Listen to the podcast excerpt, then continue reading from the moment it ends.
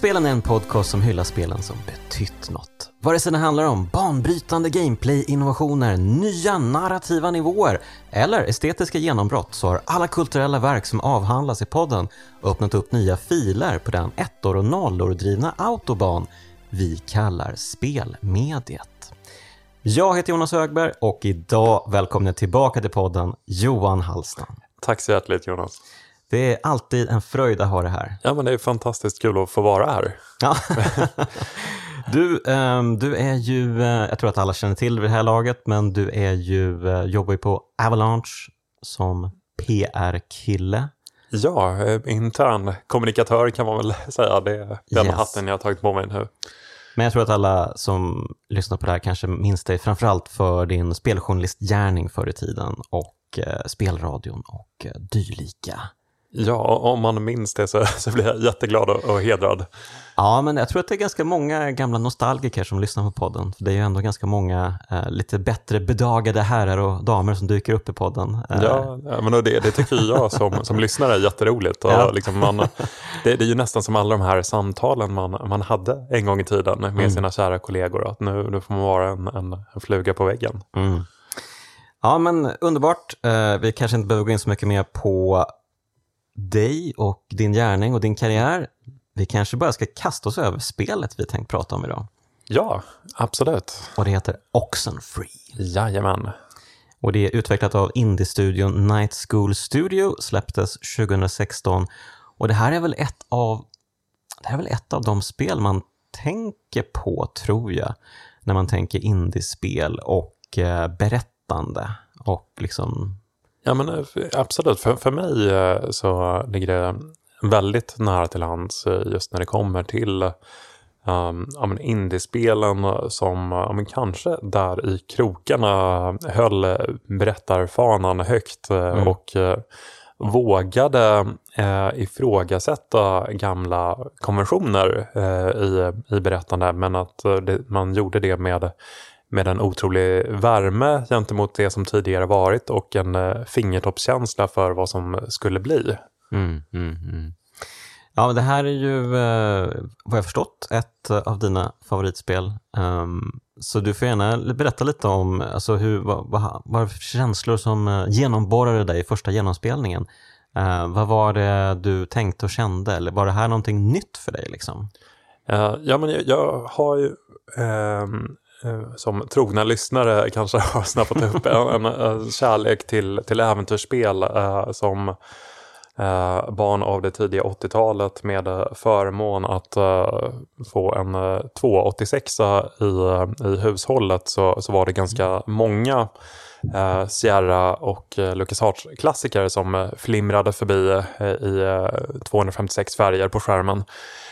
och det, det är en, en genre som hamnade uh, lite oförtjänt tycker jag förstås uh, i skymundan under ett ganska långt tag när 3D kom in i bilden där i mitten av 90-talet mm. när mm. vi uh, hänfördes av, av Quake och Half-Life så um, försvann äventyrsspelen lite grann och mm. uh, levde i periferin och sådana som på um, glada eh, entusiaster som eh, knåpade ihop eh, sina egna spel i eh, liknande eh, motorer som de som användes av eh, de här drakarna på det tidiga 90-talet så mm. gjordes det inte så himla mycket vid genren. Mm. Och, och, det är klart att det var fantastiskt att få nostalgikickar genom de här spelen. Till, mm. Till exempel äh, Badget Eye äh, har Just gjort det. många mm. fantastiska pixelperfekta spel. Mm, mm. Men äh, det, det, var därför jag blev så, så glad och tagen. När, först så hade vi Telltale som kanske mm. främst med Walking Dead-serien eh, tog ett nytt eh, narrativt grepp om genren. Mm. Eh, och sen i, i samma veva då som kanske byggde vidare på det eh, Telltale gjorde så kom mm. Oxenfree som från ingenstans. Eh, mm. Och det, det, här var ju 2016 eh, när även Stranger Things hade premiär. Så att helt plötsligt så hade vi både prestige-serie på Netflix och ett litet indiespel med eh, synt-soundtrack och eh, ungdomar som mm. eh, tar sig vatten över huvudet i parallella dimensioner.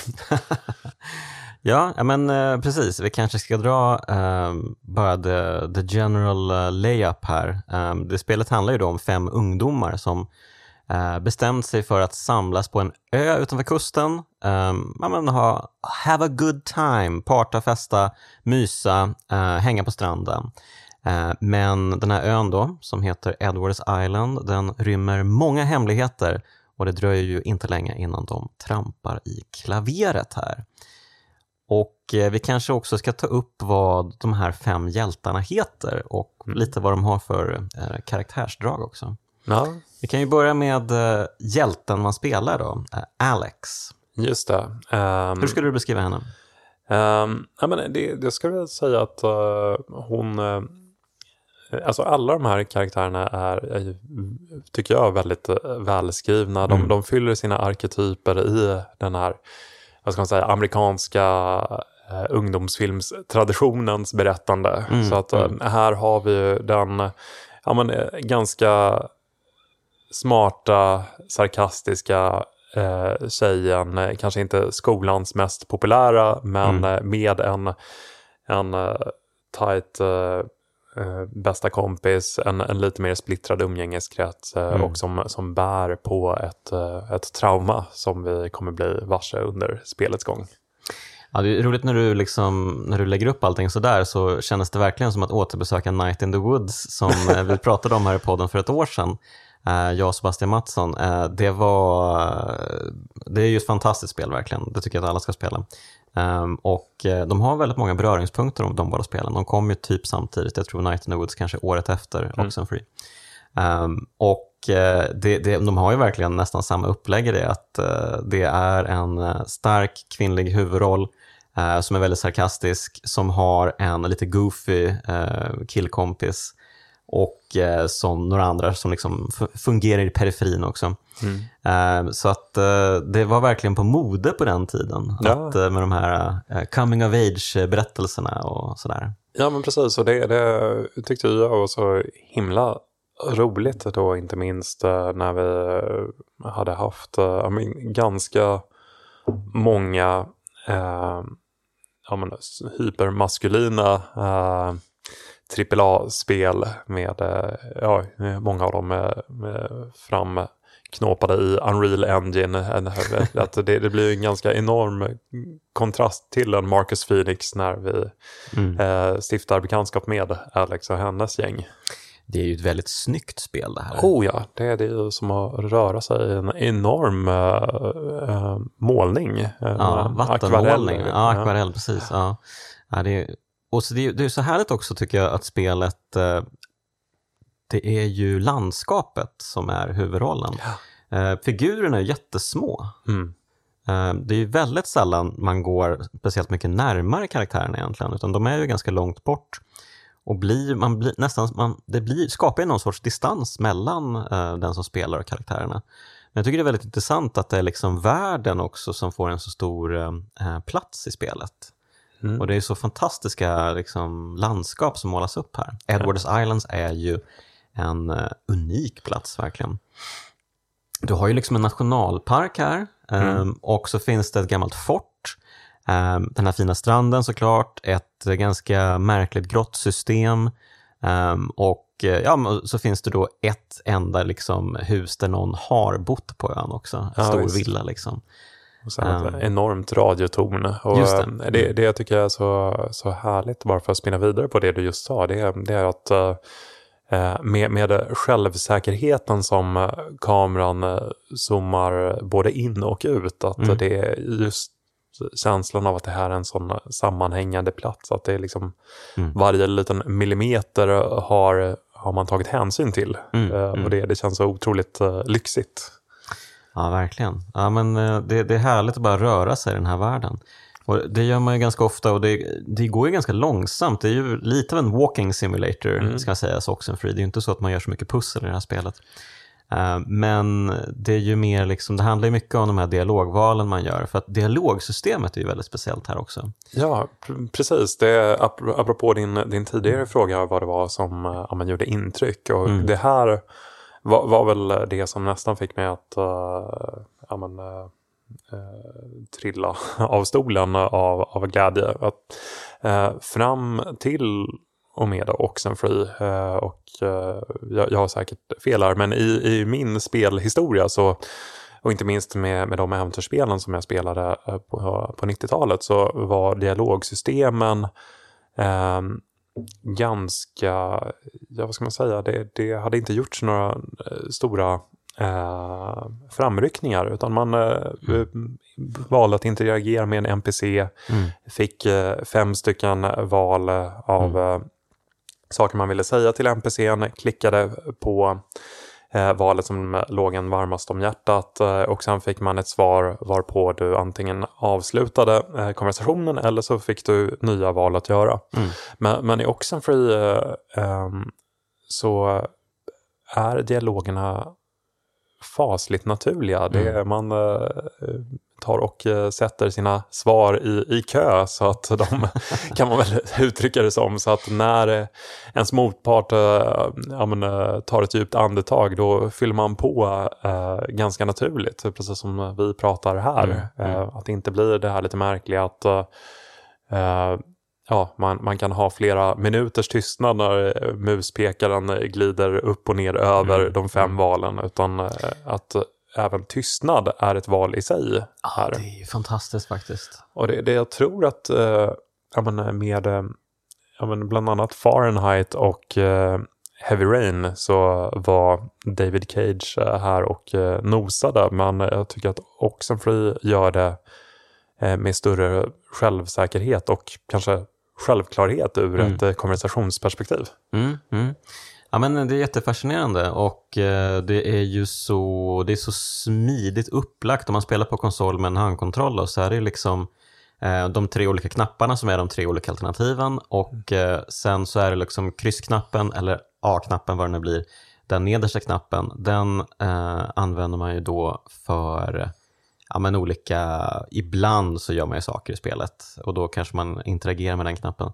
Men den är, den är också liksom, frånvaron av en fjärde knapp gör ju att man liksom känner att ja, men det är okej att vara tyst också. Eh, jag tycker att det är ett så smart sätt att illustrera på i spelet. Just med det. liksom gränssnittsmässigt också. Ja, nej, det, det har jag faktiskt inte tänkt på men det är ett, mm. äh, jättefascinerande. Ja, och, eh, men det är också så här, man, man kan ju faktiskt avbryta också mm. i dialogerna. Det älskar jag. Det, det, annars är det ju så stolpigt som du var inne på. Um, och det här att ja, ibland så lägger man på kö, men också att uh, om man kommer fram till någon speciell sak och vill prata om den så kan de bara hugga av den andra personen och, och prata om den. Liksom. Så att uh, det känns väldigt uh, naturligt allting. Och ja, men det är som att man själv gick där och snackade och bara nu vill jag prata om det här, det här är mycket viktigare, kom igen. Ja. Och bara, Jaha, okej, okay, vad, vad, vad är det här nu då? Ja. Så att, um, jag tycker man, de har nästan tänkt på allting rent um, upplevelsemässigt i um, storyn. Ja, jag tror, jag tror, att det finns ett värde där också om vi går tillbaka till uh, själva miljön som man rör sig i. Att uh, det medvetet inte finns uh, hur många interaktionspunkter. Utan det, det är ganska... Mm. De, de, är ganska få till antalet. För att annars hade det väl kunnat bli eh, ja, väldigt hattigt att mm. eh, man bara avbryter. Eh, vad, vad, är det här för sak på marken? Vad är det här ja. för skylt? Var, varför är det där ja. skyltfönstret? Men att, eh, eh, som, som du är inne på, att man snarare får en, en naturlig mm. dialog än någonting som hade kunnat bli ja, men, ganska stolpigt och konstigt. Verkligen, ja, men du har helt rätt. Uh, det är ju framförallt deras, de här olika karaktärernas interaktion med varandra som är det, det liksom betydelsefulla här. Um, och sen så finns det ju saker som har med storyn att göra som man kan interagera med. Men det är ju väldigt få saker verkligen. Och uh, storyn liksom, den, den väljer ju vidare i tack vare interaktionerna man har med varandra när man går och pratar. Eh, men vi kan ju ta upp de andra karaktärerna bara snabbt. Då. De heter ja. då Ren Jonas ja. mm, och eh, Nona och Clarissa. Ja. Uh... Och det är ett omaka gäng, fast de är väl, ja, de är väl på hyfsat uh, good talking terms, tänker jag, med undantag för en person här, Clarissa. Mm. Och eh, man ska väl ha, alltså om ni inte spelat Oxenfree, kanske ni faktiskt ska göra det först. Det är sällan jag säger det här i den här podden, att eh, man faktiskt ska spela spelet innan man lyssnar på podden. Men jag tycker nog ändå att det kan vara värt att spela också. För innan ni lyssnar på det här. Det är ändå bara typ 3-4 timmar långt det här spelet. Um, så det klarar ni av i en handvändning. Um, för det är ju ändå ganska intressant att uppleva det här från, från get-go. Liksom. Oh ja, Nej, men det, det, det skulle jag verkligen rekommendera alla. Just att det inte är superlångt men ändå eh, hyfsat unikt och får, mm. får platsa i, i kraftspelaren. Så. Ja, men framförallt, eh, det, det, ja, det är väldigt sällan jag säger det, men jag tycker egentligen att man, man kan spoila fritt allting. Det är min personliga upp, upp, um, upplevelse av uh, kultur, liksom att det är inte så viktigt det här med vad som händer, utan det är upplevelsen snarare som jag tycker är viktig. Eh, men, men här tycker jag nog ändå det kan vara värt att inte ha koll på precis, precis allting um, redan ja. innan man hoppar in i det. Ja, men precis. Men på vägen hit så pratade vi lite om uh, vår gemensamma kärlek till uh, deckare. Mm. Och, det är ju lite av ett mysterie som vecklas ut här. Så att, ja. Uh, har man inte spelat Oxenfree tycker man att det verkar intressant, uh, sätt gärna på paus och kom tillbaka om uh, ja, tre, fyra timmar. ja, det vore det optimala. Och önskar att alla avsnitt kunde vara så att man bara säger till folk, eh, sätt, sätt podden på paus, gå och spela spelet, kom tillbaka om 30 timmar. Ja, absolut. lyssna. Men eh, ja. Men eh, ja, vi har ju då de här karaktärerna och det är ju då att Alex, hon har ju lite av ett trauma med sig i bakfickan när hon kommer till den här ön. För förra året så dog hennes bror Michael. Mm. Och Michael var ihop med Clarissa som också är med på ön. Och Clarissa hon, hon antyder ganska, ganska friskt att eh, Alex kunde ha räddat Michael. Hon tycker att eh, ja, men hon har inte mycket till övers för Alex helt enkelt. Nej, hon tycker att hon är en bortskämd inte. liten snorunge som tänker på sig själv mer än andra. Och eh, det borgar ju för en ganska intressant tid här på ön. Ja men precis, och vad vi får veta med under tiden på ön det är ju också att um, Alex och Michael hade en väldigt uh, fin relation. Mm. Så när Clarissa kom in i, i bilden där så var ju Alex hotad. Mm. Att hon skulle inte få spendera lika mycket tid längre med sin jättekola storebrorsa. Mm, precis. Och det, det, här kan man väl tänka sig att Clarissa har känt av under egentligen hela hennes relation med Michael. Och mm. när det då, eh, det som inte sker eh, händer så eh, kanske det ligger nära till hands då att eh, peka finger mot Alex. Ja, och det ska väl sägas att även Alex är ju irriterad och sur på Clarissa. Mycket på grund av hennes attityd mot henne, men Ja, men eh, det, det, finns väl saker som lurar liksom under ytan här hela mm. tiden. Mm. Men, men eh, hon befinner sig här tillsammans med Nona som är hennes bästa kompis och Nona är ju kanske den karaktär man får veta minst om egentligen under spelets gång. Ja. Det är ju en väldigt tillbakadragen och lite tystlåten tjej som alla verkar gilla liksom. Mm. Ehm, och så mycket mer kanske man inte behöver veta om henne egentligen. Ehm, men eh, de som är intressanta är ju då Ren, Alex barndomsvän, den här lilla, han är ju lite goofy och, och ehm, en, i och för sig en ganska vanlig kille men också lite så här kul, har inget emot att testa nya grejer. Han kommer bland annat testa svampar här på ön eh, bara för att och eh, ja, man är sugen på äventyr. Men har väl också lite sen neuroser och sånt och eh, lite sugen på Nona. Så att, ja men det, det får man ju verkligen säga att han är. Mm. Och så har vi då Jonas som är, han är ny i stan, han är mm. Alex styvbror. Mm. Och det här är första dagen de har träffats. Ja, det, det är ju lite speciellt. det, att, det eh, borgar ju för en del, eh, ja, det skulle kunna bli stora konflikter beroende ja. på hur man väljer att spela spelet såklart. Ja.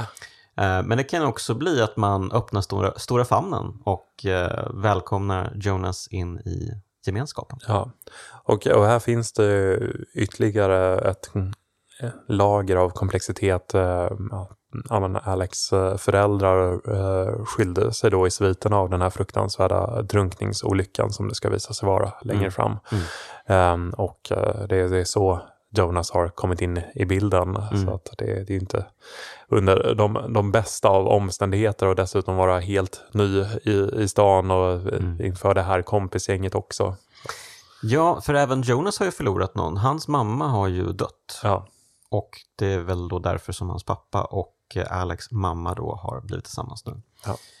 Ehm, mm, ja, alla har någonting som ligger och pockar där. ja, Ehm, ja det, det är ju lite spänd eh, stämning när eh, alla träffas där på, på stranden. Mm. Eh, Brasan i full gång, man eh, tar upp en sten och kastar lite macka och sen Mm. innan man vet ordet av så är man inne i en omgång av Truth or Slap. Eh, som är den eh, det, marginellt mer osköna varianten av Truth or Dare. Ja, precis. Ehm, ja, det är roligt att gå runt och slå folk. Ja, och det, det, det är ju här, eh, det, det är verkligen eh, beroende på hur man väljer att eh, spela sina kort eller ha sina Mm. dialogval som saker och ting ja, kan antingen få en, en ganska fin eh, början eller liksom, ja, men verkligen ha en, en otrolig reva från första starten. Ja, precis. Det är väl någon som frågar Alex så här, ehm, fuck, marry, kill. Mm. Och då kan man ju verkligen stöta sig med vissa personer beroende på vem man väljer och sådär. Ja. Eh, och sen så blir ju Clarissa väldigt utmanande också och, vill liksom hon vill ju trycka dit Alex. Ja. Ehm, så att, eh, det är mycket som kokar. Verkligen. Liksom. Och sen kan man ju också, äh, Ren som har berättat att äh, ja, men han har fått upp ögonen för Nona så kan man ju bara outa det i, framför hela gruppen. Så att, Vad douchigt det är. Ja. ja, det gjorde jag. Ja, men jag, jag kände ju lite så här, men det kanske kan leda till något. Man Ja, ja men det, ska det, det, jag väl också säga att det var med, äh, med det. äh, För Ja. att han, han var- ju så innerlig på vägen till stranden och sen Mm. ja, men, äh, kände att ja, han kanske bara behöver en liten knuff här Ja. och så blev det jätte, jättedåligt. Precis, han bara, nej men jag är inte alls intresserad av henne. Jag, jag, jag har min flickvän som är någon långdistansförhållande. Ja. ja. Mm. Han försöker bara skylla ifrån sig. ehm, och ja, det blir pladask verkligen Mm. med allting där. Ehm, mm. Så ja, men det är en, ett härligt litet ehm, intro till allt det här som verkligen låter oss lära känna karaktärerna rekordsnabbt verkligen. Eh, den här lilla, lilla sekvensen på stranden. Eh, men sen så bestämmer sig då um, Ren, ja han börjar ju ta svampar eh, så att eh, han försvinner lite in i sin egen värld. Men Jonas och Alex, de får ju se, jag tror att det är ett ljussken från grottorna. Mm. Och de hoppar över ett eh, stängsel tror jag. Precis. Och eh, beger sig in för att undersöka. Okej, vad är det som lurar i grottorna? Och eh, det skulle de ju kanske inte ha gjort då. Just det. Nej, men, nej, nej.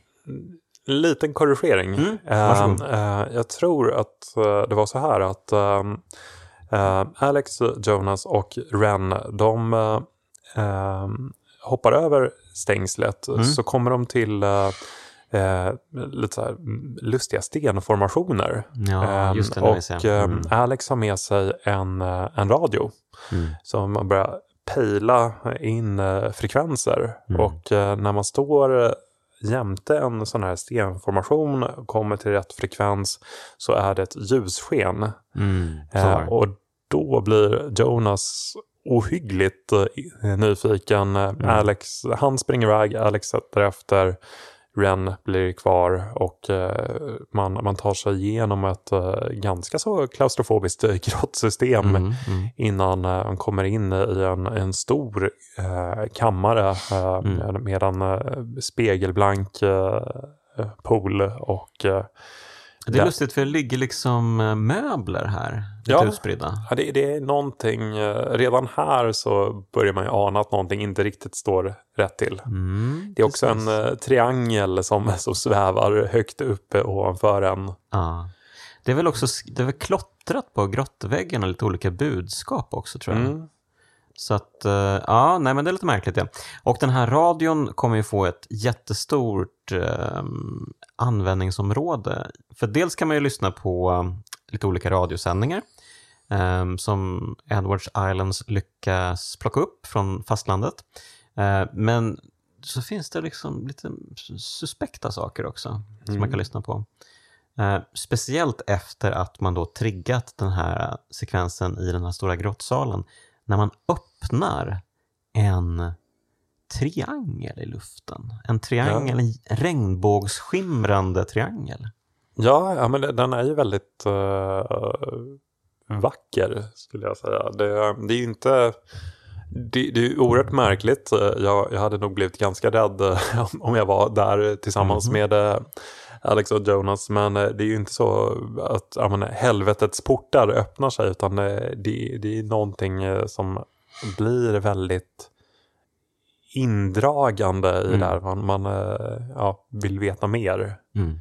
Att, jag tycker att jag menar, från tempoväxlingen är, är, är så snygg från äh, det här äh, True for Slap-scenariot äh, till att nu bara lägga i mystikväxeln mm. och att man vet inte så himla mycket. Triangeln expanderar, man, jag tror att man hör röster här också. Mm. Jag tror också det, ja precis. Um. Och eh, att man får en, en snabb skymt av att befinna sig under vatten innan mm. man äh, vaknar upp äh, på, på andra sidan ett äh, elektriskt stängsel och framför en har man det här radiotornet. Mm. Ja, och klockan har väl passerat, det har väl typ gått någon timme eller någonting tror jag. Ja. Um, de har liksom varit eh, frånvarande, eh, möjligtvis medvetslösa. Mm. Eh, så att, eh, ja, nej men eh, mycket märkligt, mycket mystiskt och eh, de förstår ingenting. De tar sig upp i tornet, börjar undersöka lite alla reglage och så och ehm, så ringer det ju in då, både Ren och Clarissa Just ehm, ringer ju in till radiotornet ehm, och då kan man svara och undra vad håller ni på med, var är ni någonstans? Ren befinner sig i nationalparken Um, och Clarissa befinner sig i det här gamla militärfortet. Mm. Och då får man ju själv då som spelare välja vem av dem man vill fokusera på. Ja, och vad valde du? Ja, men första gången jag spelade var ju liksom en självklarhet att välja Ren, för att det var ju ens bästa kompis, han var ju lite rolig, um, han verkade väldigt rädd um, och han trippar ju på, svamp, på svampar och mm. uh, man känner väl kanske att uh, det kanske, man, man, kanske ska ta hand om honom lite. Ja. Um, så, och nationalparken, oh, verkar trevligt att uh, strutta runt i. Men när jag har spelat om det här spelet, jag har faktiskt spelat om det typ tre gånger faktiskt, lite oklart varför, mm. men ja. det blir så många gånger. Men uh, ja, det, det, är ett väldigt härligt spel att bara spankulera igenom på en eftermiddag. Men då har det alltid blivit Clarissa, för att då vet man lite mer om storyn och att man kanske ändå kanske gör rätt i att fokusera på henne. Mm.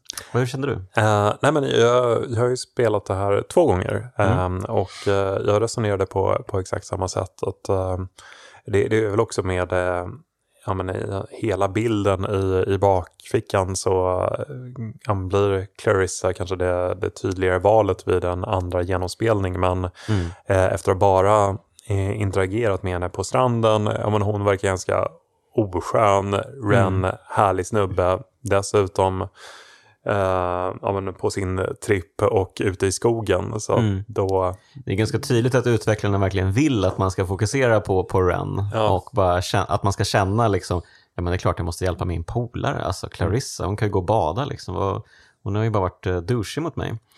Eh, men, ja, men vill man eh, få det lite bättre slutet i spelet då, ja, men då gör man kanske ändå rätt i att fokusera lite mer på henne.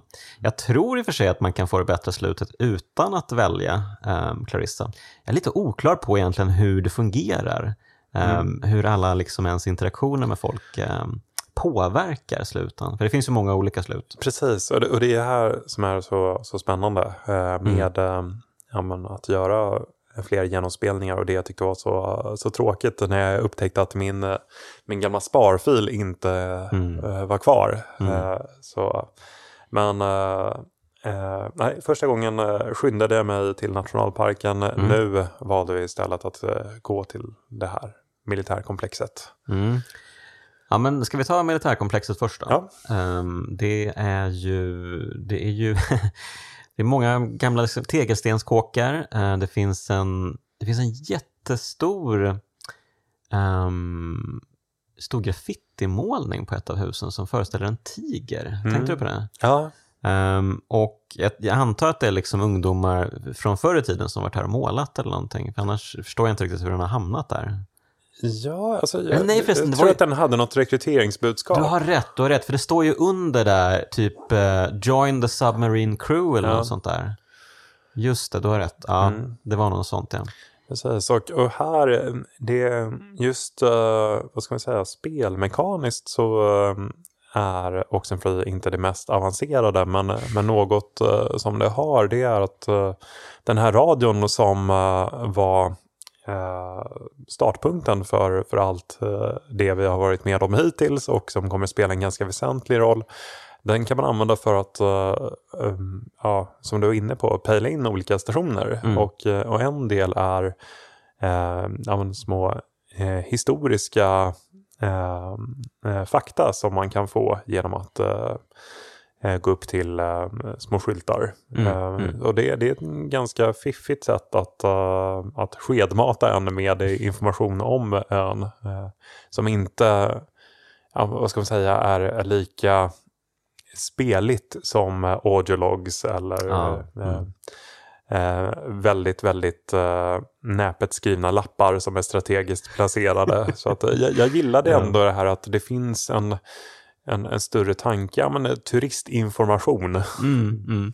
Och eh, redan tidigt när man kommer till ön, det är ju en ganska fin, man börjar egentligen på en färjeturen över till ön. Eh, Ja. Och då eh, befinner ju sig, Just det. då är det väl Jonas, Ren och Alex som tar Ja. färjan över. Jag tror att Mm. Nona och Clarissa redan finns på ön. Precis. Ehm, och de har tagit sista färjan över. Ehm, jag tror att de känner färjekarn. För att i vanliga fall så får ju ingen egentligen vara kvar på ön över natten. Just det, det, det, det är ju en ganska viktig Det är en ganska viktig detalj här Mm. egentligen. För att egentligen eh, så är det ju här liksom inget ehm, eh, det är inget ställe folk bor på Edwards Island. Det finns en enda person Mm. som fram tills bara för några dagar sedan har bott på ön i typ 50 år. Eh, Maggie Adler. Ehm, och hon kommer ju få en stor bäring för handling lite senare. Men, så att eh, egentligen så får man inte vara där. Så att de bestämmer sig för att eh, ja, men färjekarn ser mellan fingrarna med att de stannar där. Och eh, ehm, så ska de liksom, ja då är det ytterligare en krydda liksom att det är lite förbjudet att vara här. Eh, Men då så finns det ju då när man passerar, för det finns ju en liten gift shop och det finns ju några små hus i, Mm. vid hamnen. Ehm, som nästan får det att se ut som att ja, men här borde det ju vara bo- bebott. Liksom. Men det är väl bara liksom lagerlokaler och sånt och den här presentbutiken typ. Ehm, och kanske något kontor också möjligtvis. Men då finns det faktiskt ett monument här eh, med någon, kanske någon stor örn eller fiskmås eller någonting. Jag tror det var en fågelliknande monument över en ubåt som en gång i tiden eh, sjönk här Mm. utanför Edwards Island. Och där 85 personer förlorade livet. Mm. Och det här kommer ju få väldigt stor betydelse för storyn. Så man får ju lite så här, en liten teaser redan här om vad det är som kommer avhandlas i det här spelet. Och det, det är snyggt tycker jag. Mm. Ja, men jag håller med. Och sen eh, är det ju en sån här, ja men bara någonting som nämns i förbifarten är att eh, men det fanns eh, en ambition om att eh, bygga ett museum av den här militärbyggnaden och det, det är ju någonting man kanske inte fäster jättemycket vikt vid när det sägs men och som också kommer få sin förklaring varför det inte skedde lite Mm. längre fram. Men det, det jag tycker är så fascinerande med, med ljudbilden framförallt i, i Oxenfree är Mm. att eh, den, den är hyfsat eh, minimalistisk. Eh, Mm, mm. Det är mycket så här släpig synt eh, Mm. som eh, passar både, jag vet inte, jag tycker att det gifter sig fantastiskt med det visuella men också Mm. någonstans sin, sin, sinnesstämningen när man eh, bara eh, rör sig över de här eh, vackra eh, akvarellmiljöerna. Mm. Men, men då och då så skiftar den rätt dramatiskt i karaktär. Eh, Och eh, det, det var också som eh, skräckfantast. så, Mm. så verkligen en, en eloge till uh, spelets ljuddesigners för hur, hur mycket obehag som går att uh, kommunicera bara genom de här tonskiftningarna i, Mm, i mm. musiken. Och uh, det, det är när vi tar oss in i det här komplexet som vi, vi får en första, ja men ett, ett smakprov helt enkelt kring det. Mm. Ja, du får påminna mig. Eh, ja, för att nu eh, eh, så kommer vi in eh, till, till världens läskigaste läxförhör. Just det. Ja, ja, ja herregud ja. Mm. Eh, Det är ju, eh, det är väl något eh, högtalarsystem Ja. där inne som börjar spraka. Ehm, Och eh, så är det någon som talar. Och det känns som att eh, när de här liksom rösterna kommer, Mm. det är liksom, har de, liksom, de har plockat från andra radiosändningar för att bilda deras röster tror jag. Ja, Så att de har liksom plockat ord från andra radiosändningar och liksom formar meningar med hjälp av de orden. Så det är ju ett eh, snillrikt eh, system att eh, ja, men, eh, dels göra deras röster väldigt abstrakta och liksom märkliga nedtonade samtidigt som då finns ett eh, stort hot i vad de säger och vad de liksom ehm, vill göra. Ja. För nu börjar vi inse att det liksom lurar något, kanske inte ondskefullt, men ett stort hot här i alla fall Ja. mot eh, hela gänget på ön. verkligen. Vi, vi är inlåsta i ett klassrum. Det är eh, två stycken svarta tavlor, den ena med handavtryck och bara det är ju läskigt i sig. Mm. Eh, kul med en sån här liten detalj som eh, skulle kunna vara supergullig i ett annat sammanhang eh, som eh, nu, nu börjar ju fantasin skena vad det är man har att göra med. Jag gillar det Alex säger, eh, first they finger paint, then they wear our lungs as scarves. ja, det, det är väl lite så tankarna går. Men Ja. eh, de är inte gå så himla mycket längre för att det är ju den här radiosändningen som, som du just nämnde som eh, kommer igång. Vi ska förhöras om eh, eh, öns historia och eh, vi gör det i eh, kontexten av hänga gubbe. Och, Mm. det, det känns väldigt olustigt i det här sammanhanget. Mm, mm, mm. Och då måste man ju svara på, jag tror det är tre frågor och får man fel så fylls den här hänga gubben i. Ja, Vilket leder till frågan, vad kommer hända om jag får fel på alla frågor? Ehm, jag tror väl i och för sig inte att eh, det blir game over i spelet, men eh, Nej, men, men bara känslan av att det skulle kunna vara det är ju fantastiskt. ja, att, eh, nej, men det är otroligt visuellt färgsprakande tycker jag det här partiet verkligen. Ja, och det, det, de är ju så extremt ogenerösa de här ja, lekledarna. Det, Mm. när, när jag lekte hänga gubbe eh, på, på lågstadiet då, då var det ju, ja, men först ritade man huvudet och sen ena armen. här, här går det i rasande takt. Mm, ja, verkligen. Och eh, det, blir inte bättre av att hela skärmen eh, i ett kritiskt skede eh, flippar och blir upp och ner så att man Just det. knappt hinner läsa svaren. Att, Inte nog med det, man får, de här prompterna för, alltså man får ju vanligtvis se liksom de här tre dialogalternativen och då är det ju liksom, de är utplacerade som det vore på ett, ett kryss, eh, de här liksom knapparna på en handkontroll Mm. som är liksom eh, så att det blir som en, eh, vad kallar man den, Eh, ja, en, en fyrkant som är skev liksom. Mm. Ehm, och här flippas den upp och ner så man luras ju att tro att oj, men nu ska jag trycka på fel knapp här fast egentligen, ja. ja, Så att, ja, lurigt. Ja, ja verkligen. Och det, det blir ju också... Det, det jag verkligen gillar här det är att eh, det blir en, eh, en introduktion för, för spelaren i den sinnesstämning som eh, Alex och Jonas befinner sig i. Att man, man ifrågasätter vad det, vad det är som är riktigt, eh, vad det är som bara hjärnspöken. Och det, det översätts till eh, något väldigt så här, taktilt och, och spelmekaniskt. Mm, Eh, mm. Och eh, ja, men, vi, har ju inte pratat om, du och jag i varje fall eh, i, i kraftspelen, men äh, i ett, ett gammalt skräckspel till GameCube som heter Eternal Darkness. Oh. Äh, roade ju sig med att äh, hitta på massor med mm. sånt här fuffens. Mm. Mm. Man, ja, I kort, det, det fanns en sanity-mätare när den sjönk i botten. Då började eh, konstiga saker hända. Mm. Och det här kändes lite som att eh, slungades tillbaka till, till någonting som Silicon Knights hade kunnat hitta på för Eternal Darkness. Ah, gud, ja, vilken härlig tid det var, GameCube-tiden, när man fick alla de där uh, märkliga spelupplevelserna. Um, det var ju också lite samma veva, det var ju i sin tur inspirerat av uh, Metal Gear Solid och uh, klassiska fighten mot Psycho Mantis såklart. Ja.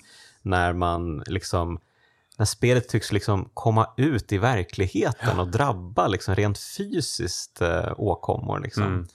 Eh, precis, det var väl massvis med att eh, typ minneskortet korrumperades och sådana grejer. Liksom. Ja, ja, men visst, eh, det, det, är ju det läskigaste man kan råka ut för som ja. spelare. precis. Men sen, sen, var det så lite subtila, roliga saker som kanske funkade bättre på gamla tjock-tv. Så att det var, man eh, såg en, en så här fluga uppe i ena hörnet och den såg så himla realistisk ut. Sen, okay. sen var det lite pajigare saker att uh, ja, men, du uh, knatade rakt fram och helt plötsligt uh, tappade hjälten huvudet. Och det, just det, just det. Ja. Uh, eller att man kunde gå in i, upplevde att man gick in i samma korridor flera gånger om och det här mm. knyter ju tillbaka till vad vi kommer uppleva i Oxenfree lite ja, längre fram. Just det. Du har helt rätt. Vad kul. Det var verkligen en tydlig inspirationskälla, mm. um, Eternal Darkness. Ja, men det är ett kanonspel. Kanske ett kraftspel också. Vi får se en vacker dag. Mm. Ja, Lovecraft-vibbar. Um, som, som. Um, ja, nej men uh, precis. Så att uh, de får ju svara på frågor här och uh, frågorna rör ju då den här ubåten um, och de som dog där. Och ja, redan här börjar man väl pussla ihop saker och ting. Att det kanske är spöken. Mm. Är det de som dog på ubåten som hemsöker Edwards Islands? Um, mm. Så att de lyckas i alla fall ta sig ut ur det här. Jag tror att Jonas blir väl besatt också här av spökena. Ja. Jag tror att han eh, stiger upp i luften och pratar, eh, han får väl så röda ögon och pratar lite med Alex. Precis, um, och uh, det här tar man ju fram sin, sin radio det, och mm. tar och försöker bryta den här besattheten. Just det, man, man bildar ju fler sådana här trianglar ja, ja. för att ta sig ur de här grejerna. Ja. Mm. Ja, det är ju spännande. Nej, men precis, man får ju um, dra den här reglaget i, um, på radion, eh, frekvensmätaren, mm. uh, fram och tillbaka för att hitta en specifik punkt där då uh, den här triangeln ritas upp och så får man hitta nästa punkt och sådär. Mm. Um, så det är ju små, små pusselelement som ändå känns givande. Liksom. Ja. Men uh, den, den stora uh, saken som man ställs inför uh, i takt med att man går upp för, för de många trapporna det är att mm. man helt plötsligt ser Clarissa som har ropat på hjälp via radion. Nu är vi äntligen framme vid henne och hon, hon blir besatt. Mm och eh, kastar sig ut eh, genom fönstret. Så att ja, det, på en ganska hög byggnad. Ja, alltså det, det är ju oerhört chockerande mm. att eh, så här tidigt i spelet, eh, vi, vi har ju inte lyckats eh, nysta i de här relationerna, allt mm. det, det som har sagts och antytts och helt plötsligt så har eh, Clarissa liksom eh, störtat eh, mm. ner mot eh, ja, vad, vad, vi i alla fall då antar vara döden. Mm. Men uh, ja, i, i, takt med att uh, Alex och Jonas uh, ja, chockade går ner för de här trapporna igen och vi går ut ur, ur byggnaden förbi när de svarta tavlorna så, mm. så ligger ingen kropp där. Mm. Ja, det är mycket mystiskt och eh, det, det, är väl även här tror jag första loopen kommer eh, när man befinner sig, man måste hitta de här märkliga kassett bandspelare. Just det. Um, för de, de, kom, de, dyker ju upp på lite olika ställen i spelet um, och då ska man liksom snurra på dem um, så att de börjar ljuda och försvinna och på så sätt stoppa loopen som man har hamnat. Mm. Man hamnar ju då i loopar och då kan man liksom inte ta sig ur den, för när man försöker gå ut ur bild eller liksom ta sig från platsen man befinner sig på, då warpas man tillbaka. Um, och uh, då måste man liksom hitta något sätt att ta sig ur det här och då involverar det oftast de här kassettbandspelarna. Um, men det kan vara lite andra saker också och det är så härligt att de har anammat den här VHS-looken för Ja. de här sekvenserna. Uh, att man ser liksom att bandet har börjat bli lite skevt uppe Mm. i toppen. Eh, Så att det är de här stora liksom eh, flimmergrejerna där uppe. Ja, Ehm, Det är ju en härlig callback tycker jag till en, till en verkligen. eh, svunnen tid. Ja. Ehm, Där man Och- ofta liksom spolade tillbaka bandet och Ja. repade det och liksom och sabbade det. Ja, nej men just eh, i, i de här looparna när man börjar så uh, det, någonting jag verkligen gillade var att uh, ja, men Alex är ju den som först märker att eh, det är en loop. Medan uh, Jonas, det tar lite längre tid men Mm. eh, sen, sen är de båda liksom på samma sida och inser att ja, men nu, nu är det ju verkligen någonting eh, märkligt. Eller ja, det är ju redan märkliga saker som har hänt men det, Mhm. Mm. det eskalerar, det vi eh, befinner oss i de här men, väldigt olustiga situationerna. Men Mm. hur kan vi ta, ta oss ut härifrån? Och Mm, eh, mm. Ja, men det är då de här ehm, banden kommer in i, i bilden som man snurrar på. Och så börjar det spela så, ja, men en så här småkuslig trudelutt. Det, jag tycker Mm. det har lite så här eh, Mm. onda karnevalvibbar över den. Eller Ja. kanske i kombination med någon slags marschmusik. Marschmusik, ja. ja men precis. Ehm, men ljudbilderna är underbara verkligen. Och eh, ja, men de jobbar ju mycket med så här klassiska skräckingredienser verkligen. Ehm, som att någon blir besatt helt plötsligt och börjar prata konstigt och flyger i luften och eh, beter sig hotfullt. Och, eh, jag tror också, det, för att eh, i återkommande gånger under spelets gång så tar man ju kort på sig själv Mm. som sedan visas under en laddningsskärm. Just det. Och här i fortet, när man tar kort på sig själv ehm, och eh, ja, men passerar och går ut till en ny, ehm, ett nytt område och får laddningsskärmen och får se kortet, så ser man ju att det befinner sig en märklig gestalt bakom dem. Ja, Vilket jag tyckte var jättemärkligt för att de här spökena, de manifesterar ju sig aldrig liksom rent fysiskt. Men här ser vi liksom ett exempel på att eh, det finns någonting där. Eller så är det bara ett hjärnspöke. Men det var väl ändå, ändå så här liksom lite någon sorts diskrepans i det här som jag tyckte var väldigt fascinerande. mm. Varför man faktiskt får se rent fysiskt någon sorts monster här. Liksom. ja. Som men, fångas på bilden. ja men precis. Jag tycker att eh, det här är ju också eh, ja, men, eh, ganska snillrikt att använda en, en teknisk begränsning, det vill säga att vi inte liksom streamar in eh, miljöer som, Mm. man, eh, som många spel gör nu för tiden, utan vi är tvungna att komma till en laddningsskärm.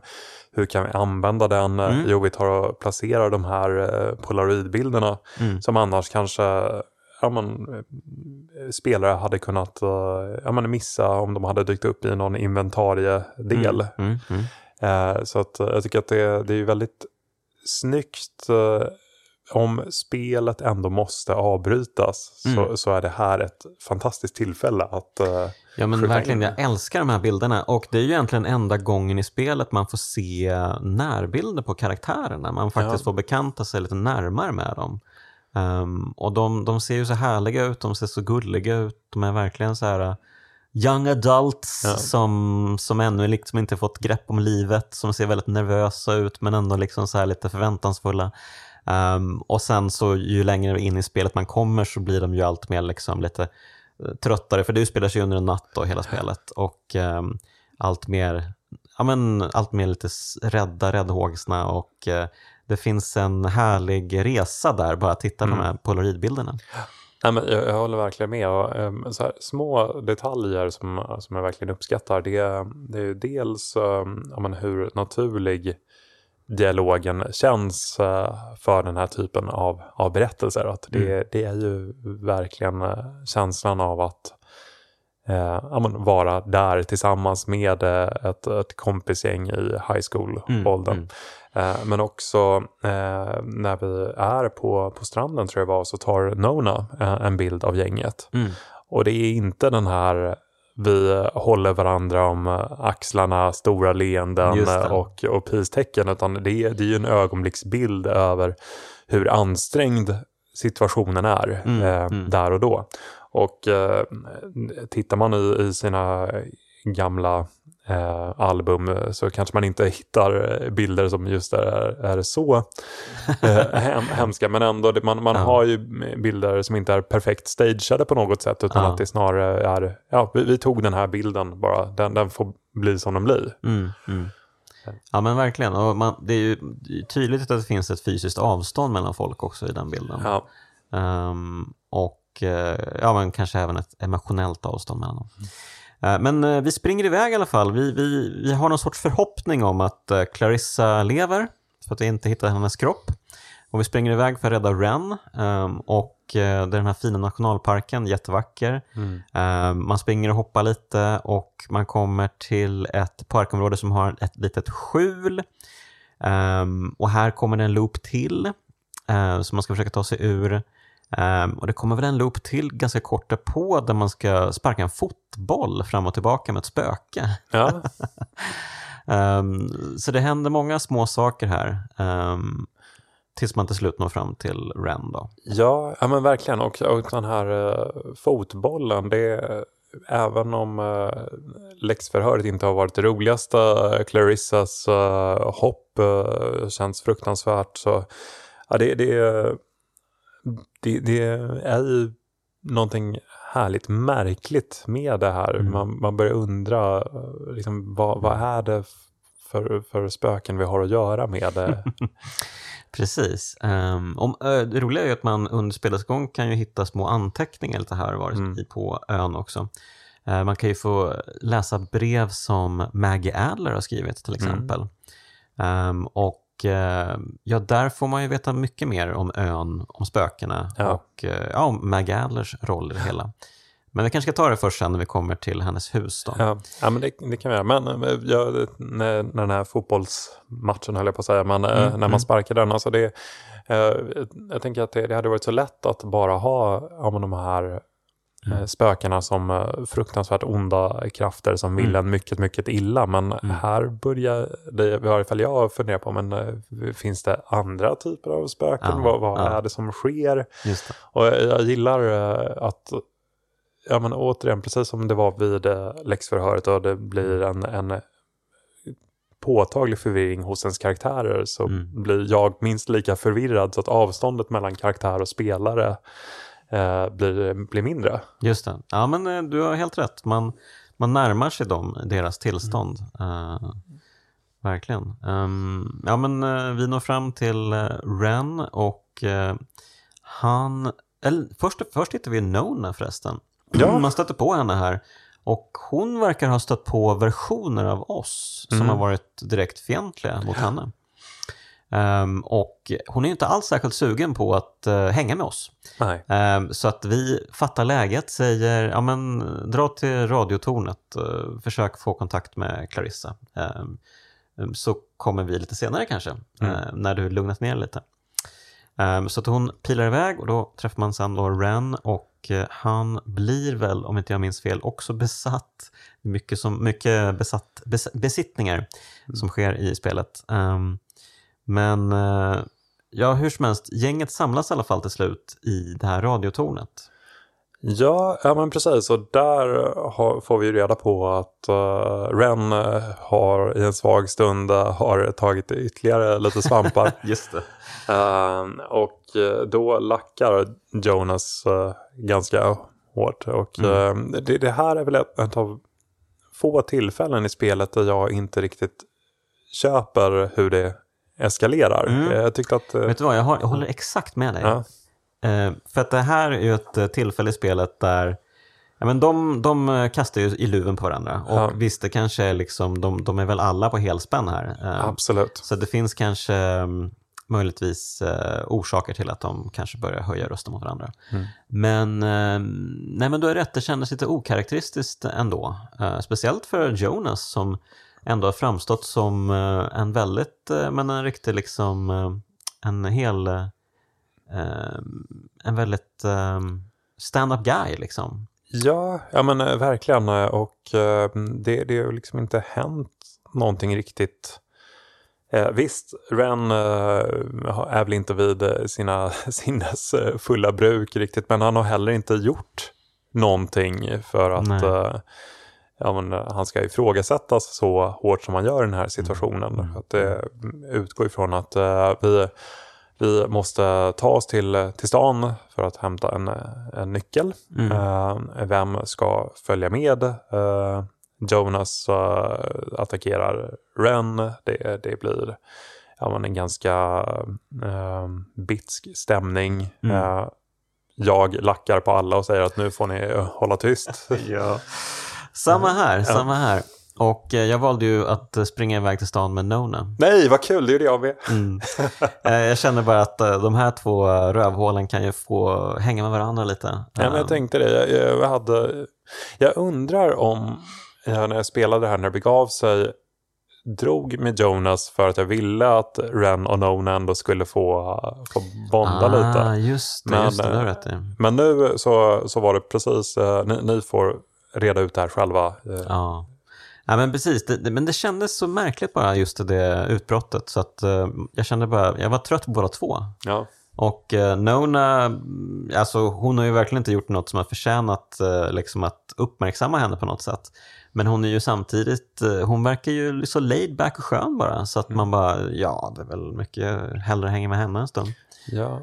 Jag, jag vet inte om du, du tänkte på det här också, men eh, när, när man springer där med, Nona till, ehm, eh, till stan igen så är det väldigt tyst. Mm, det, mm. Jonas har ju varit en, en pratkvarn av rang. Ren är väl den enda som kan toppa honom. Mm, mm. Och sen helt plötsligt så då, då är det syntmattan ligger där men Mm, eh, det, Nona är så otroligt fåordig. ja. Eh, och det, det, blir en, en oerhörd kontrast som jag uppskattar för att ja, men alla med, är ju förstås inte lika. Men samtidigt så hade jag gärna velat veta mer om, om henne. Ja, det, det är precis. Samtidigt, eh, det är ju så true to character för henne. eh, Ja. Att eh, hon verkar inte säga någonting i onödan egentligen. Nej. Ehm, hon har säkert ett rikt inre känsloliv, men det är bara det att eh, hon eh, är inte en extrovert person. Mm. Hon känner inte för att projicera sina, ehm, sina känslor och ehm, det, hon, ehm, det hon tycker och tänker eh, för alla andra. Så att, eh, det, det, är ju, det är ju helt rätt egentligen att det är tyst. Men jag håller med, man blir nyfiken på henne.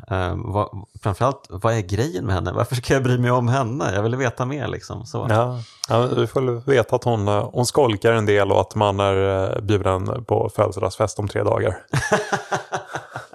just det, just det, så var det. Eh, precis. Och sen när man kommer till stan, då träffar vi på Clarissa igen. Ja, på en uh, lyktstolpe sitter hon.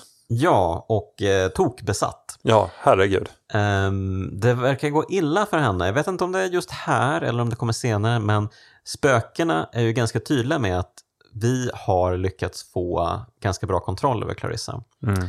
Ehm, och du kommer, få, du kommer få det jävligt svårt att vinna tillbaka henne. Liksom. Ehm, och jag tror att de redan här, jo precis, de redan här i, ehm, i stan då, eh, vid, vid hamnen, så ger de ju eh, ett förslag till Alex. Mm. Ge oss Clarissa så får ni gå. Ja. Och eh, ja, det är klart, det hade ju varit intressant att spela igenom spelet och säga ja till det här förslaget. Ehm, Ja, nej, Om men det nu går, jag är lite hittills, osäker. alltså rent eh, mellanmänskligt så eh, ligger ju Clarissa på minuskontot.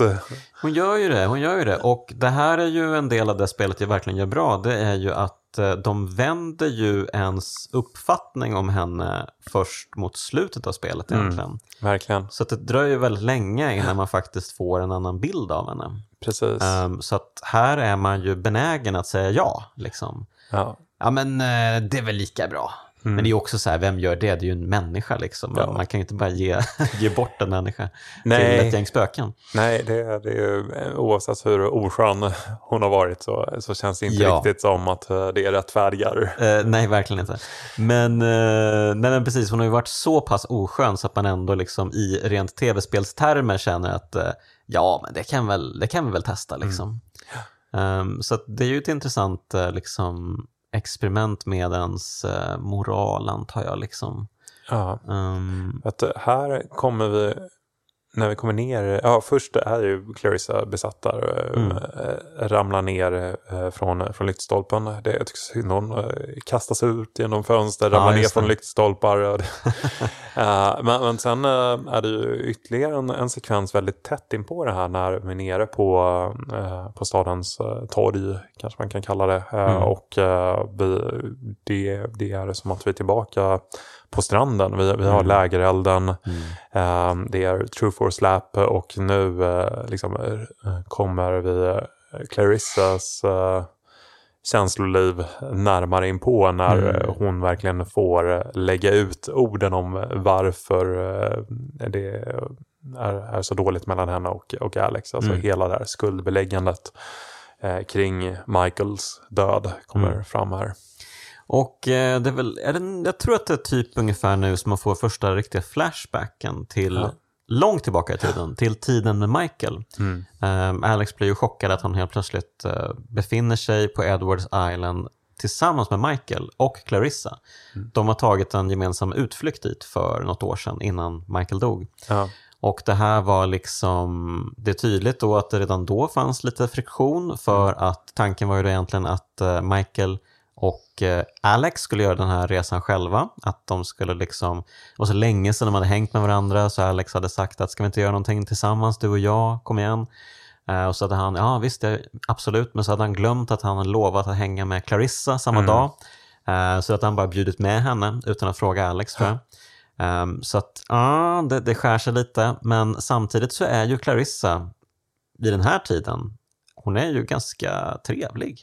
Ja, absolut. Ja, men det, det känns ju ja, men, eh, skönt att, att få den bilden av, av henne också. Och det, Mm. det är väl klart att eh, nu, nu lär vi aldrig känna Michael på, på djupet, men eh, det verkar som en sympatisk snubbe. Så att, Mm. ja, men det, det känns så mycket rimligare att han skulle falla för den här Clarissa som Ja. vi, vi träffar. Precis. Ja, men precis. Alex har ju baktalat eh, Clarissa mycket och eh, har ju liksom undrat men vad, vad var det egentligen han såg henne? Jag, jag förstår ingenting. Hur kunde, han, Mm. hä- hur kunde han vara ihop med Clarissa? Ja. Men eh, nu när man får spendera tid med henne så ja, då förstår man ju. Ja, Hon verkar ju vara a stand-up girl. Ja. Så att, eh, ja. Ja, nej, men, och det, det här är ju också, ja, men det, det är verkligen de, de små detaljerna som, som jag uppskattar med Oxenfree. För att Mm. vi har ju haft, eh, bilden vi haft av Clarissa hittills har ju varit genom eh, Alex ögon. Eh, Mm. Visst, vi, vi styr Alex, vi väljer eh, dialogvalen med Alex, men eh, eh, det är också en, en Clarissa som, precis som, som Alex, de har ett gemensamt trauma här. Och Mm. det, den, den sorgen behandlar de på så otroligt olika sätt. Mm. Mm. Clarissa är inne i det, ja, men det, det ilskan, det skuldbeläggande, medan Mm. Alex eh, Ja, det här, här får ju spelaren en större frihet i eh, var man befinner sig i de här stegen Mm. kring sorg. Mm. Eh, Ja, men framförallt tycker jag att, för man får ju lite andra flashbacks också med, med tiden ehm, tillbaka till eh, innan Michael dog. Man får ju även besöka deras hem tror jag, Mm. och prata med honom hans, på hans rum lite senare i spelet. Men man får ju aldrig uppleva det här ögonblicket då han dog. Nej. Ehm, Det skonar ju utvecklarna oss från. Eh, Mm. Jag tror att hade det varit en sämre utvecklare så hade man nog gärna gått tillbaka till det ögonblicket för att få liksom den här känslomässiga anknytningen till att, eh, för de pratar ju om att eh, Alex inte kunde simma. Han drunknade ju Michael och de, det kanske antyds till och med att han skulle lära henne simma eller något Ja. sånt där. Ehm, och eh, jag vet inte exakt varför han drunknar. Det, det, det, liksom, det är väldigt lite klarhet i allt det här, men att det är så är väldigt skönt tycker jag. För då blir det ju ändå lite så här, man vet inte exakt vad som hände. Finns det någonting här i, har liksom Clarissa något i att Alex var liksom på något sätt lite halvt skyldig till att det blev som det blev. Ehm, så jag tycker det är jättebra att de inte tar, det, att de tar beslutet att inte åka tillbaka till det ögonblicket i en Mm. flashback. Eh, bara för att få den här billiga payoffen. Ja, nej men jag, jag, jag håller verkligen med där. Jag tror att uh, det är lite, lite skum jämförelse kanske, men uh, jag, jag, ser det som uh, vet, alla de här skräckfilmerna där man har mm. haft en, en superruggig känsla och så visade monstret och så bara, men herregud, det här mm. är ju jättepajigt. Mm. Och att göra, ja, men, jag vet inte, ett quicktime event av att försöka simma till Michaels undsättning, det, mm. det hade, hade verkligen eh, kunnat förstöra eh, hela, eh, hela spelet, kanske är att ta i, men, mm. men en, en, väsentlig del av det. Så att mm. låta det vara osagt. Det fanns heller inte några vittnen eh, till, till den här drunkningsolyckan. Eh, vilket gör att eh, vi, vi, vet så himla lite om omständigheterna. Mm. Clarissa vet lite om omständigheterna. Mm. De enda mm. två som var där var Alex och Michael. Mm. Och frågan är ju om Alex, hon kanske förtränger saker också ja. um, och vad det var som egentligen hände uh, den, den dagen. Um, så man vet ju inte om hon vet allting heller, um, rent kognitivt. Men uh, ja, så att, uh, det är ju jätteintressant det där. Och, men vi får i alla fall tag på en nyckel då, för att gänget har ju då bestämt sig för att de ska försöka ta sig in i Maggie Adlers villa. Um, och eh, de har ju pratat lite grann om Maggie Adler lite från och till under spelets gång. Mm. Um, om att uh, ja, hon har bott här i 50 år och hon har alltid varit på ön liksom och uh, hon är den enda som har bott här. Det är jättekonstigt. Uh, Just det, och anledningen att vi vill till villan, det är inte att vi får något infall av att nu det vara festligt att göra inbrott utan att Ren menar att det finns en båt här. Mm. Så vi vill ju inget heller än att lämna den här ön. Just det. Ja men precis, eh, det är ju extremt hotfullt allting och alla de här konstiga looparna återkommer och spökena fortsätter att uh, ta uh, gänget i besittning. Um, och de börjar ju prata allt mer hotfullt om att det är kort om tid för er. Snart kommer vi ta över helt och hållet, snart mm. kommer vi vara er. Ja. Um, så att det är ju en liten kamp mot klockan här. Ehm, men precis, så att de försöker hitta en båt där och det gör de ju, det finns en båt där. Ehm, men när de går in i Maggie Adlers villa så får de veta mer om vem hon var och mm. vad hennes roll i det hela har varit. Ja, ja och det här är ju verkligen en, en payoff av rang. ja. Um, att det, det har ju varit, uh, men, looparna, supermystiskt, eh, trianglarna, eh, de eh, rösterna som vi har hört. Alltså det, det har varit så, så mycket som vi inte kunnat sätta fingret på. Mm. Men, men Maggie Adler har ju, även om hon inte finns med oss längre mm. eller eh, finns eh, några större avtryck hittills så eh, är ju ett namn som har nämnts och funnits i bakhuvudet. Mm, eh, mm. Och, och det, det, vi blir ju inte besvikna av att eh, stiga in i Nej. hennes domän. Hon var ju då liksom kodknackare i militären. Mm. Hon var ju liksom med på andra världskrigstiden. Ehm, och hon var ju då mm, stationerad här på ön och jobbade väl i Harden Tower, det här radiotornet. Just det. Um, och då hade då den här ubåten, USS Kanaloa, de hade skickat ett uh, meddelande. Uh, men hon hade helt enkelt misstagit det här meddelandet för att det här är liksom ett tecken på um, fientlig aktivitet mm. i området. Så då hade hon skickat ut uh, ett, ett meddelande till de båtar, amerikanska liksom, jagare och sånt som fanns i närheten att det kanske fanns en fientlig ubåt. Ja. Så att eh, flottan fällde bomber på Kanaloa mot, sitt eget, mot sin egen ubåt ja. och eh, sänkte båten, eh, dödade 85 oskyldiga. Eller dödade också frågan. Mm. För här kanske det framkommer, jag vet inte om det är just här, men det framkommer ju att ja, är de spöken eller befinner de sig i en annan dimension? Ja, det, det är verkligen äh, ja, apropå payoff. Um, ja. det, det, ska vi säga också att det här var en, en atomubåt med Mm. experimentell eh, teknologi och det är därför vi kanske då har slungats eh, in i en annan eh, dimension. Men Just det, jag tror att de pratar om att det kan ha varit den här kärnreaktorn som imploderade Ja. som liksom skickade in dem. ja, Som att det vore liksom en portal till en annan värld. Liksom. så att eh, då nu helt plötsligt har begreppet om eh, vad det är vi gör med vidgats eh, ganska väsentligt. Mm. eh, Från ett, ja, men, som vi säkert båda hade eh, tidigt en tanke om att ja, men det här har vi ett gäng riktigt sura spöken till att ja. Ja. men nu, nu kanske det är eh, människor eller eh, kvarvarorna av besättningen Mm. som är fast i en, en parallell verklighet. Ja, och här kommer vi tillbaka till eh, det vi pratade om det här med fotbollen förut. Ehm, För att man kan ju läsa i ett gammalt brev som Maggie Adler skrivit. Ehm, hon och hennes kompis Anna hade ju försökt, för hon hade ju givetvis stora liksom, samvetskval när hon insett vad hon gjort. Eh, för det var ju liksom hon som var skyldig till det här egentligen. Ehm, Så hon hade ju försökt rädda dem. Hon hade ju fått nys om den här dimensionen och tillsammans med sin vän Anna försökt få kontakt med dem.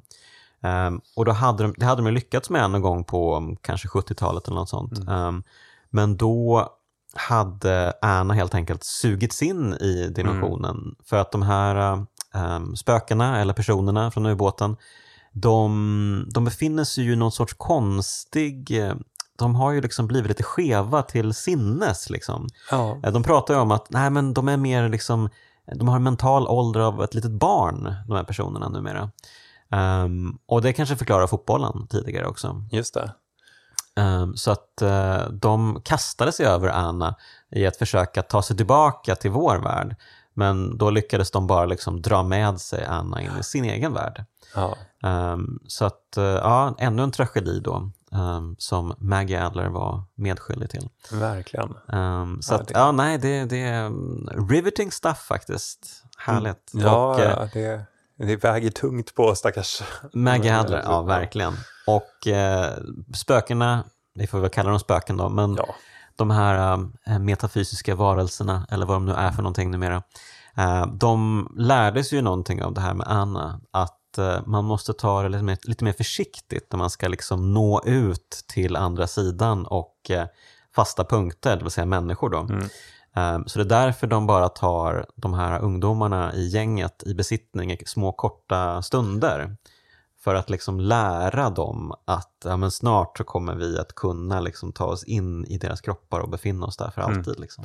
Och det där, det, det är ju någonting jag verkligen uppskattar. När, Mm. när det finns en, en tanke bakom varför ja, men, spöken eller liknande varelser Ja. beter sig som de gör. Mm. Att eh, det, det, det är ju så många eh, skräckfilmer eller spel där man bara tänker att eh, ja, det är osofta Mm. onda andar som tycker att det är kul att slå i dörrar. Men, men när man får en sån här förklaring, ja men då, då liksom det nedbrytandet av, av psykerna, det, Mm. det är ju där eh, det, det blir lite både kittlande och läskigt. Mm. Att, att allting tjänar ett syfte. Ja, verkligen. Ja, det, det, är så, men det är mycket som är stiligt uttänkt. Bara det här med att de har plockat från radioröster för att själva skapa sig en röst i vår värld. Mm. Ehm, och att de på olika sätt kan nå, nå ut. Och ifall den här triangeln, är det en port i sig? Man vet inte riktigt Mm. heller. Ehm, så att, eh, nej, men det är fortfarande lite luddigt, men det är liksom lagom luddigt och man har fått mycket svar också. Så att, eh, det känns väldigt eh, tillfredsställande. Ehm, men, eh, ja, men tyvärr då så kan de inte åka på båten för de inser att de måste bekämpa det här nu snarare. Eh, för de kommer lyckas ändå. Liksom. Så att vi måste liksom försöka skicka tillbaka dem eller hjälpa dem på något sätt. Eh, försöka ta, ta kampen till dem helt enkelt. Ehm, och då är det dags för lite, trå- för lite tråkig backtracking tycker jag. Ja, ja, det, Kanske spelets sämsta stund det här. ja, ja men det, det måste jag säga. Det, och det är ju mycket på grund av att det har varit en, en sån ja, men, fantastisk framåtrörelse. Mm. Det, alltså, om man bara ser till ren speltid så är vi ju inte mer än att eh, ja, men, så, två och en halv timme in, Mm, in i mm. spelet någonting. Och, ja, men vi, vi har gått eh, ja, men, från eh, tiden på färjan när vi pejlade in radion eh, för första gången eh, till att verkligen eh, börja få, få grepp om karaktärerna. Vi har Mm. eh, varit med och skapat eh, våra egna relationer. Vi har fått ett större ja, men, en betydligt större förståelse för vad det är som för sig går. Jag Mm.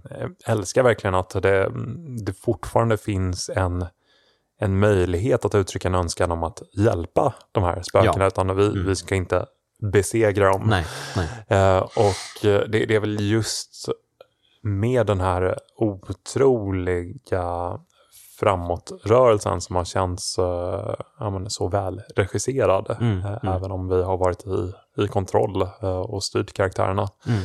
Eh, som gör att eh, backtracking-partiet blir just ett alldeles vanligt backtracking-parti. Ja, det, och, ja, precis. De hade väl nästan bara kunnat skippa det helt känns det som. Um, det kändes som att de bara ville fläska ut speltiden här. Um, för att vi har ju sett de här fina miljöerna och de har varit helt underbara att befinna sig i. Men det är också så här, nu ska jag gå tillbaka hela den vägen igen till nationalparken um, för att uh, tuna in någonstans uh, långt in i den. Um, och eh, se samma saker igen. Och visst, vi får se lite nya saker, vi får se några gravar eller någonting. Men det känns lite futtigt och fattigt bara. Ja. Ja. Och likadant, man, fortet också ska man ju tillbaka till också. Så att, uh, nja, jag var inte, eller nej, det, det kanske man inte ska. Det kanske bara är nationalparken, men, men det är ändå så här, ah, ehm, trist, helt enkelt. Men eh, sen så lyckas man till slut eh, klättra ner för en, är det- är det typ a bomb shelter eller någonting man ska in i? Ja, en, en oerhört lång stege. Ja, i en grotta. in- inte Snake Eater-nivåer, men, men ändå. Eh, Roligt. Eh, det vet ju inte du, men eh, jag, jag har precis pratat om Snake Eater på podden. Jaha, vad roligt. Och om den där jävla stegen som var en fantastisk upplevelse på, på sitt sätt. Ja, ja det, det, det, det är ju en unik upplevelse, så vill, långt jag vill jag sträcka mig. Ja, ja, ja, absolut. Eh, ja, nej, men en lång trappa och eh, här nere då så får man ju... Här kommer det ett ganska viktigt val man kan göra. Mm. För här dyker ju... Ja, men spökena försöker övertyga Jonas. För Ja. nu är det ju bara ehm, Alex och Jonas igen då. De försöker övertyga Jonas om att hans mamma finns här. Mm. Och eh, beroende på vad Alex säger så kan han ju välja att eh, gå till spökena för att prata med sin mamma. Eller inte. Ja. Och, Så- och här finns det ju eh, lite av den här eh, snygga mekaniken i att eh, spela om spelet. Att Mm. man kan lämna meddelanden till sig själv när vid, vid ett par tillfällen som man eh, passerat eh, speglar. Mm. Eh, där, eh, ja, eh, speglar är ju alltid fantastiska i skräckspelssammanhang. Ja. Eller för den delen filmer. Men Mm. här har det faktiskt varit speglar med, med matnyttiga tips som man har Mm. levererat till sig själv. Just det. Och- Välj den här dialogvalet liksom. Precis, Ja. och, och ett av de eh, tipsen har ju kunnat vara då att man eh, inte ska låta Jonas eh, prata med sin mamma. Ja, för första gången man spelar så känns det ju liksom, eh, kan det verkligen vara så illa att bara liksom ge honom chansen att för man kanske fortfarande tror och tänker att det har med spöken att göra på, viss, på något sätt och Mm. att, det, att alla döda kanske finns i den här andra dimensionen, möjligtvis. Och att ja, men då kanske även hans mamma finns där. Så att eh, det är ju av välvilja man kanske säger ja till det, om Ja. man nu gör det. Men eh, då, då gör man ju ett stort eh, misstag i så fall. Ja, nej men varken första eller andra gången så var det någonting som Ja. kändes lockande. Nej, samma här tror jag. Eh, Det kändes ju lite skevt att eh, bara helt plötsligt... Han blev så himla... Han blev så himla sugen på det här också, Jonas. Mm. Lite överdrivet sugen, så jag kände att här är nog läge att backa faktiskt. Att inte eh, säga ja till det. Då, då hade det ju nästan varit roligare att uh, det positiva hade varit att säga ja. Ja. För, för att det är, man, man anar ju uh, oråd verkligen. Mm, och inte mm, minst i hur, hur starkt han uttrycker det. Så att, Ja, men han är verkligen besviken på Alex efteråt. Ja, herregud. Ja. Första dagen de möts och Ja. hon kan inte ens unna honom att eh, prata med sin döda mamma. Exakt. Ehm, ja, men, och så till slut då så kommer man ju tillbaka till den här grottsalen man, man Mm. började spelet i, eh, eller man började den här resan i, ska vi sägas, med de här eh, inter, interdimensionella spökena eh, och den här triangeln man öppnade. Ehm, och tanken nu är väl att helt enkelt, ja, det är ju lite oklart exakt vad det är som händer här, måste jag erkänna. Men det känns väl som att Alex offrar sig för gänget.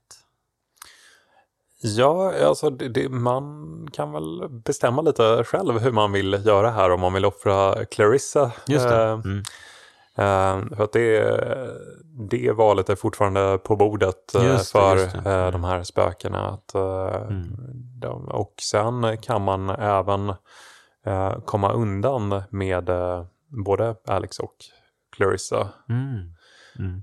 Um, så att det, det är knivigt. eh, eh, Mm. det, det är självuppoffrande uh, gamblen att eh, försöka få med båda eller att eh, ja, tänka att Clarissa, det, Det det, var kul så länge det varar men och, eh, Precis. Ehm, och det är väl här i- den här vevan tror jag som man får den här flashbacken till huset med Michael i rummet. tror Mm. jag. Ehm, ja, precis. Att, och faktum är att det går ju även att rädda Michael ja, från att drunkna. Ehm, i, för att här har man väl den konversationen med honom om att eh, han eh, berättar för Alex att han och Clarissa har tänkt eh, dra från stan precis. och möjligtvis gå på college någon annanstans eller ja, men, eh, liksom, eh, skaffa sig ett hem tillsammans eller göra någonting annat Mm. helt enkelt, lämna stan. Men om man övertygar Michael att stanna kvar i stan, då kommer de inte ha den här sista, ehm, ja men då kommer de inte gå och bada för att ja men det sista gången vi kommer hänga med varandra så vi måste gå och, ja. precis. Och Så då att, eh, gör man det, det valet, då kommer ju inte Jonas in i bilden heller. Just det, då försvinner ju, eh, alltså, alltså han åker väl tillbaka Ja. till sig, men det är inte så att de försvinner. Men eh, precis, han blir ju inte liksom en del av hennes liv på samma sätt. Mm. Så det är ju intressant, det finns ju många variationer man kan göra här. Ehm, men det är ju härligt eh, presenterat allting, för man hamnar ju på havets botten igen. Ja. Ehm, och man ser den här ubåten som tornar upp sig ovanför. Det är Precis. en jättefin bild verkligen. Ja. Ehm, och ja, frågan är om man, man hjälper väl inte spökena så mycket kanske, ehm, som att man, man liksom sugs in i deras dimension och får liksom en förståelse för hur de fungerar och opererar. Ja. Och sen, men sen är det väl liksom, det, det sker väl lite olika bilder, sekvenser och sen så får man väl se, ja, beroende på vilket slut man väljer då, men eh, för mig då så blev det så att vi hamnade på färjan tillbaka igen då, Mm. till fastlandet. Ehm, och att de, ja, men de pratade väl lite kort om, oj, tänk att vi var med den där skiten, helt sjukt. Mm. Um, men sen när spelet lider mot sitt slut och eh, Alex berättar om vad som hände med dem sen och att ja men Clarissa hon, hon stack från stan och gick till något annat college och eh, eh, Ren han blir kvar här och ja, allt sånt där. Och sen så bara händer någon, någon, något flimmer och sen så berättar Alex Ja men vad kul, jag ska åka till Edwards Island med Jonas och Ja. Ren. Ja det här ska bli jättekul. Så man är kvar i loopen. Man, man är i en megaloop. Och det, det jag tycker är så snyggt här det är att, eh, ja, men lite på Telltale-manér, att man, man får en sån här statistikredovisning. eh, så att, ja, si och så många eh, offrade Clarissa, si och så många valde det här. Mm. Och att det är, eh, Mm. man, man använder förväntningarna av att få eh, spelarstatistik mot eh, eh, spelaren. Mm. Mm. Mm. Och, och sen, sen det, kommer den här sista eh, ja, men, eh, insikten om att vi, vi kommer tillbaka. om Det- och om igen.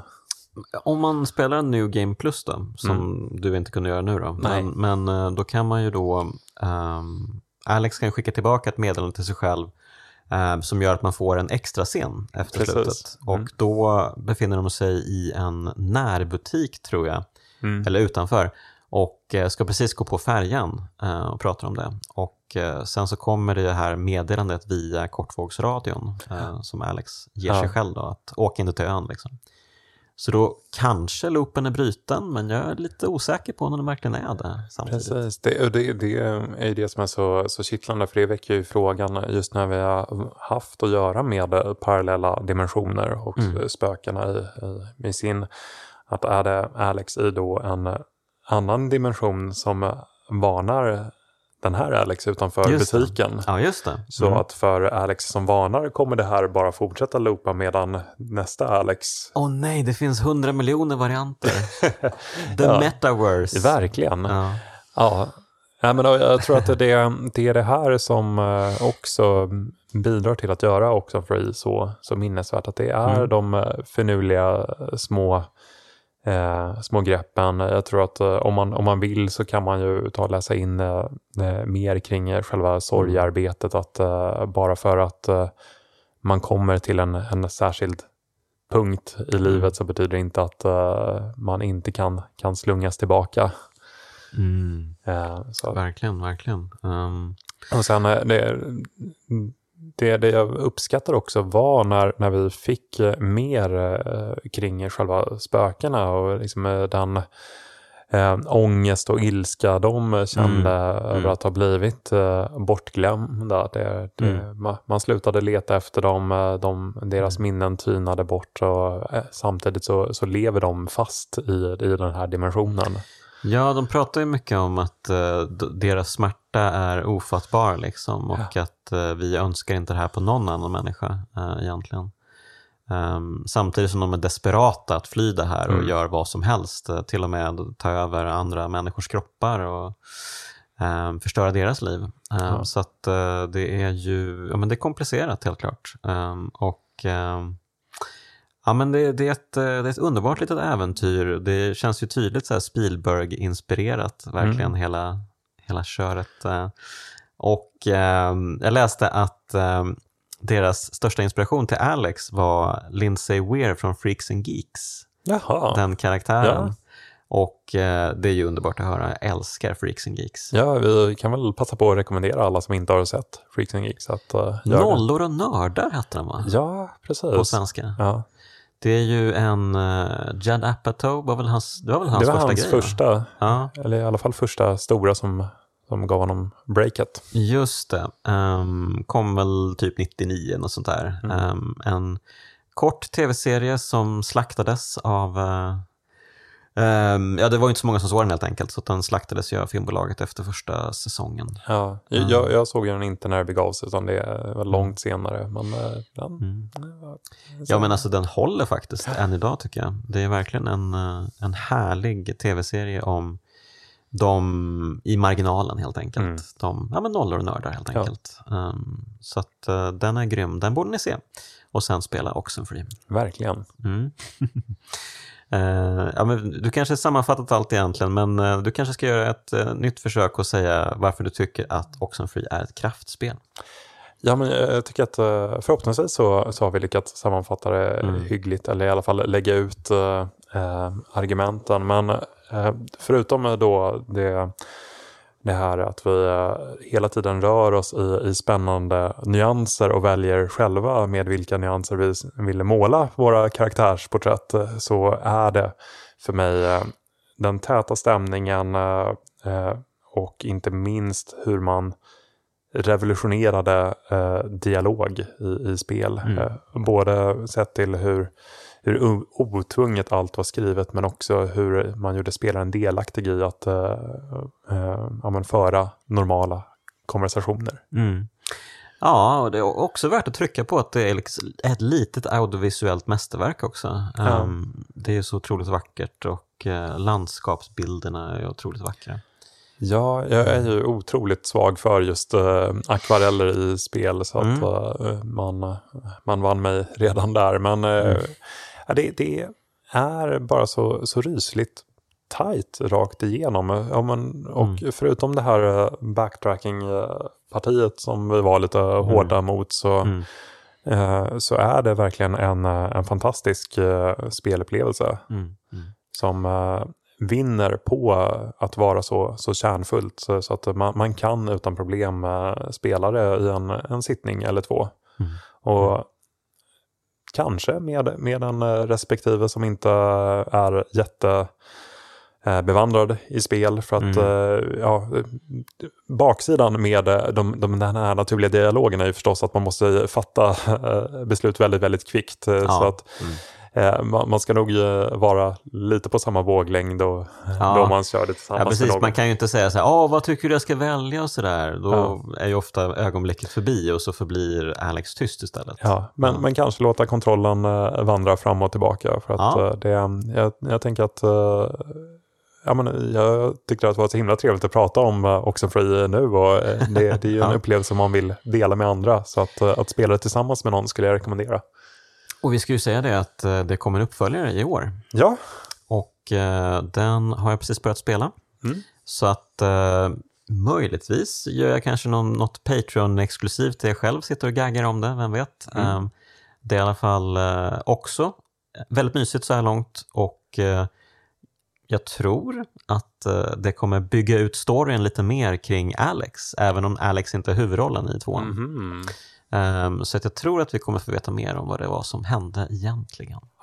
Spännande. Spännande. Mm. Ja, men eh, det om det helt enkelt. Oxenfree, härligt, härligt spel. Och eh, det är alltid härligt, härligt att ha Johan Hallstan här i studion. Ja, men tack för att jag får vara här och prata om kraftspel. Ja, tack Johan och eh, tack alla som lyssnat, alla som är Patreons och tack till de finfina pojkarna i Bitpopbandet 047 som gör musiken. Ja, och vi, vi hörs igen nästa vecka.